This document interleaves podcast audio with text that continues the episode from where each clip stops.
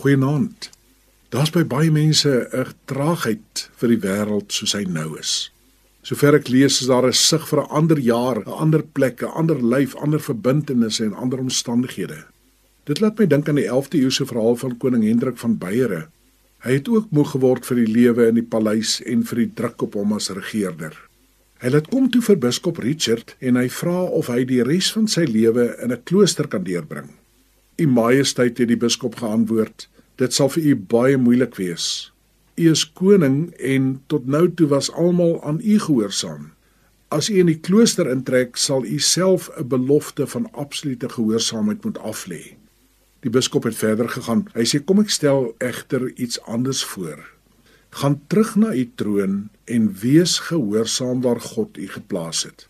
Toe koning Hendrik later sterf, is op sy grafsteen geskryf: Hierdie koning het geleer hoe om op die troon gehoorsaam te wees.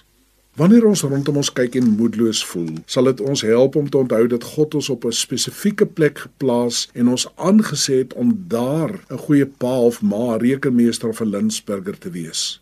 Bid op daardie spesifieke plek Matteus 6 vers 19. Ons Vader wat in die hemel is, Laat u naam geheilig word, laat u koninkryk kom, laat u wil ook op die aarde geskied net soos in die hemel, ook hier waar ek nou is. Daar is ook iets daarvan in Nehemia 3 vers 28 wat sê die stuk van bokant die perdepoort af is deur die priesters herstel, elkeen die gedeelte reg oor sy eie huis. Die tempel is stukkend en die mure is plat en dan begin elkeen daar waar hulle bly te bou. Bid dit in die aand maar ook in die oggend voor jy uitstap.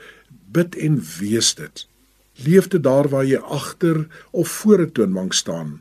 Juffrou en meneer, laat dit vloei in die woorde vir die kinders wat voor jou sit.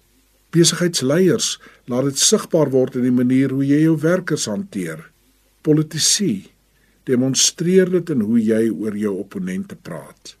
Nee, ons omstandighede gaan nie noodwendig verander nie maar ons kan werk aan die hart waarmee ons daar leef. As die son nie skyn daar waar jy leef nie, wees dan die lig. Goeienaand.